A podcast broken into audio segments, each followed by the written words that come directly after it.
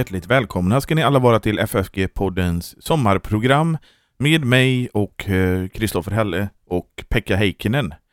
Hjärtligt välkommen till våra sommarprogram Pekka. Tack, tack. Vi ska tala lite kring bibelord, tänkte vi. Ja. Men vi kan ju påminna våra lyssnare att man kan ge ett eh, bidrag till poddens och församlingsfakultetens arbete. Detta gör man lättast på Swish. Numret är 123 100 8457 så märker man det med FFG Gåva eller FFG Podcast och eh, för andra sätt att hjälpa till och eh, se vad som händer på församlingsfakulteten besök vår hemsida ffg.se.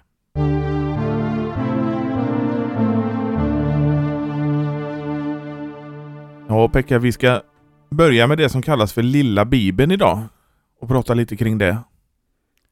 Ja, det har mycket att säga. Ja, det har det. Och um, Lilla Bibeln, det är ju det som är Johannes 3.16. Och då står det så här. Ty så älskade Gud världen att han utgav sin enfödde son för att den som tror på honom inte ska gå förlorad utan ha evigt liv. Den som tror på honom, står det. Där betonar man ju att det är tron som är det. Det är, då, det är så man får, genom tron får man evigt liv. Ja, det är ju skriftens huvudlära, ja. Mm. För det står ju inte där att om du gör så som jag säger, utan om du tror på. Ja, gärningarna duger inte som frälsningsgrund. Nej.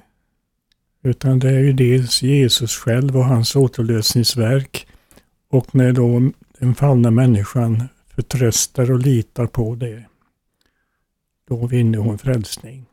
Men eh, han, Johannes skriver här att Jesus säger också att den, man kan gå förlorad. Det gör han ja. Och det är ju Bibelns, en Bibelns lära som förekom både i gamla, gamla och Nya Testamentet och allra tydligast i ny, Nya Testamentet. Och det är ju den som inte tror och förtröstar på Jesus, vad han har gjort för oss, som går förlorad. För eh, Det är ju då alltså det vi brukar kalla för dubbel utgång. Att de som tror på Jesus, de blir frälsta, men de som inte tror på Jesus, de går faktiskt förlorade. Ja, det är många som inte tror på den läran, men vill man vara en kristen så ska man ju tro på den. Det kan ju vara svårt för människor att tro på att att en gud som är kärleksfull och allting sånt där, att den skulle låta människor gå förlorade. Jo, det, så är det ju, men eh, det gäller ju för oss att hålla oss till vad skriften lär. Och, och vi får inte gå utanför vad skriften lär, för då blir det galet. Om man börjar blanda in mänskliga tankar och sådana här saker i vad, så, så blir det ju galet. Ja, det gör det. Det ska inte vara, inte vara människoläror vi litar på utan, utan Guds ords läror. Och det kallas ju lilla bibeln det här för att det sammanfattar ju på ett väldigt kort och koncist sätt hela bibelns lära. Ja. Och Gud vill ju att alla människor ska bli frälsta. Det vill han ju otvivelaktigt. Och därför har han ju också gett oss en frälsare som räcker till för alla människor. Och Gud älskade ju världen trots att den var fallen. Ja, det är det förunderliga att han gjorde det. För det står ju ty så älskade Gud världen. Men vi brukar ju ibland säga att ja, det är världen och, och köttet och djävulen som förleder ifrån. Som leder oss ifrån Gud. Ja, man brukar kalla dem för de tre andliga fienderna. Och världen är alltså en utav dem och det är de människor som som inte förtröstar och tror på Kristus, som kallas för världsliga. Och sådana är vi ju alla av naturen. Men sen kan vi genom en sann omvändelse med den heliga Andes hjälp och bistånd skilja oss ifrån världsliga människor och bli gudfruktiga människor istället. Men Gud älskar också de världsliga människorna och vill att de ska komma till tro och bli frälsta.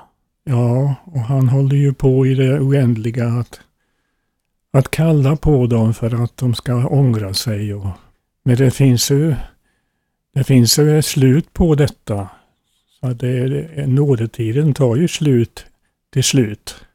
Och den som inte har låtit sig omvändas innan nådetiden är slut, den går ju förlorad tyvärr. Det är ju den här lilla bibeln tydlig med att man vill att han ska komma till tro och inte gå förlorad. Ja, det betonas ju väldigt tydligt just i lilla bibeln. För att var och en som tror på honom icke ska gå förlorad, utan har evigt liv. Det är Guds vilja.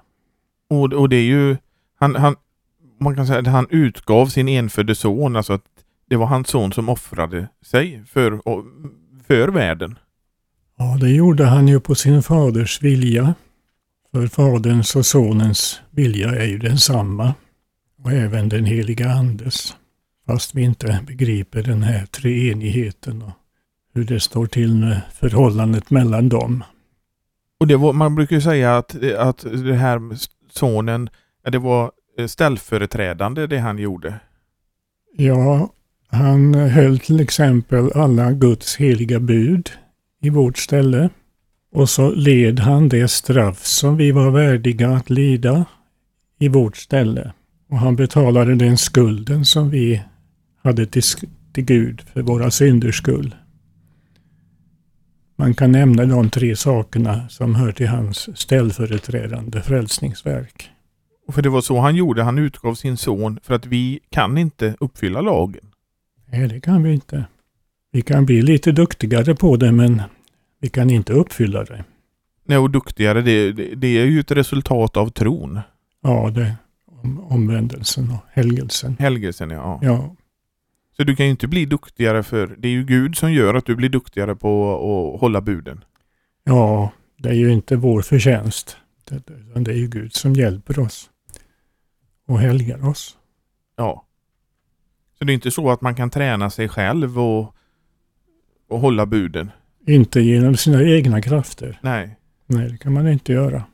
Men sen så betalade Jesus också en, en skuld helt enkelt. Ja, det hör ju till hans återlösning det här att betala skulden. Och den skulden har vi ju ådragit oss genom våra synder emot Guds bud. Och, och, eh, den skulden kan vi ju inte betala själva. Nej, absolut inte. Det kunde bara Jesus göra. Och sen så var det också hans lidande.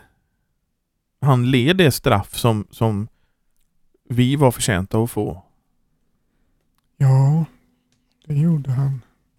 Och det var ju ett evigt straff.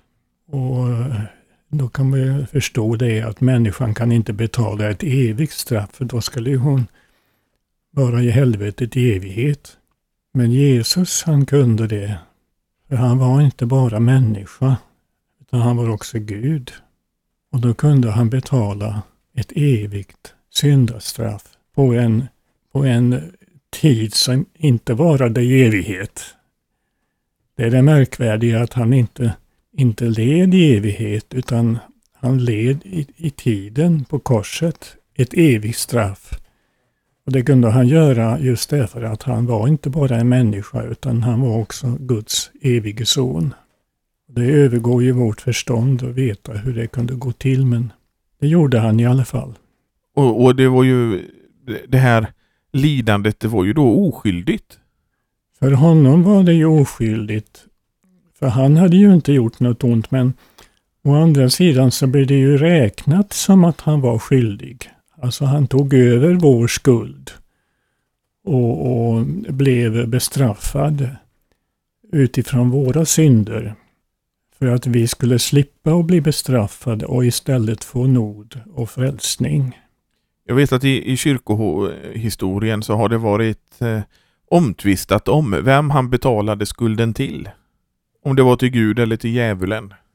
Ja, jag kan inte redogöra för det just nu men eh, inte, inte kan han ha betalat till djävulen utan det har han gjort till sin himmelske fader. Ja, ja.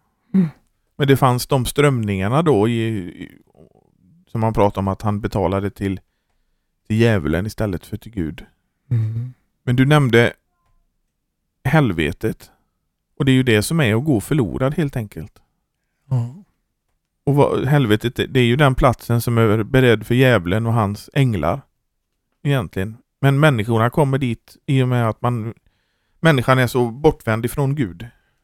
Ja, det är ju den stora tragiken att, att trots att Jesus har, har lidit för oss uppfyllt Guds lag i vårt ställe, att vi ändå ska gå förlorade. Det är obegripligt. Och det är ju faktiskt så också, som vi noga har poängterat i, i tidigare, att bara för att Jesus har dött och tagit på sig våra synder så är, är man ju inte fri att medvetet synda. Nej, det är man inte. Utan eh, en, en människa, även en troende kristen människa, syndar ju dagligen på olika sätt. Men eh, det är ju inte meningen att, att en kristen ska synda medvetet, utan det sker, det sker emot eh, hennes, hennes vilja. Men det är ju inte så att man kan eh, gå, gå, ut och synda och göra någonting som är fel och sen så gå och be om förlåtelse på söndagen och tro att allting är okej. Okay. Nej, det, är ju ett, det, det, kan man ju kalla för en falsk kristendom. Det är ju ingen uppriktig kristendom. För även om vi inte kan följa lagen så, så kan vi ha eh, en inställning att vi vill följa lagen. Den, Gud, Gud har ju verkat det i oss som, om, som omvända och på nytt födda. Menar du att, att en kristen har en vil, vilja att följa lagen? Eller? Alltså en ny, det, det kallas för den nya lydnaden, kallar Melanchthon det i eh, Augustana. Ja, jo, har en människa blivit omvänd eh, så har de fått eh, en ny lydnad. Men den är ju ofullkomlig den också. Ja, ja. Mm.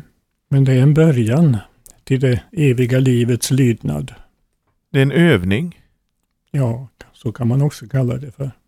Och det är också det som vi brukar kalla för lagens tredje bruk. Kan man lägga in i det också att man gläds över lagen? Det gör man ju om man, om man har kommit till en sann tro på Kristus så har man ju en glädje i lagen. Men man är inte fullkomlig i sin lydnad utan det, det är som du säger en, en övning, en daglig övning. Och den kan, man kan förkovra sig. Man kan växa i sin kärlek till Gud och människor. Men någonting fullkomligt eh, blir det ju aldrig här i världen och kan aldrig duga till grund för människans frälsning. Utan det är vad Jesus har gjort som är grunden när man liksom har det framför ögonen att Jesus, hans försoning, eh, så blir det ju lättare att, att leva som kristen när man vet att det, det beror inte på mig, det beror på Jesus. Det är egentligen den enda grunden för vår trygghet. Det är vad Jesus har gjort. Kan aldrig bygga på något, något eget.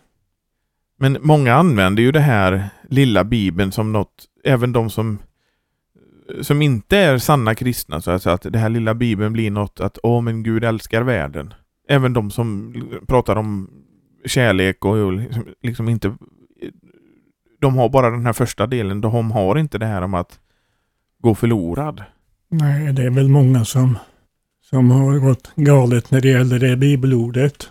Men eh, vill man bli salig, då ska man ju tänka på hela bibelordet och inte bara vissa delar utav det både på Guds allmänna frälsningsvilja och villkoren för att man eh, ska bli delaktig utav frälsningen.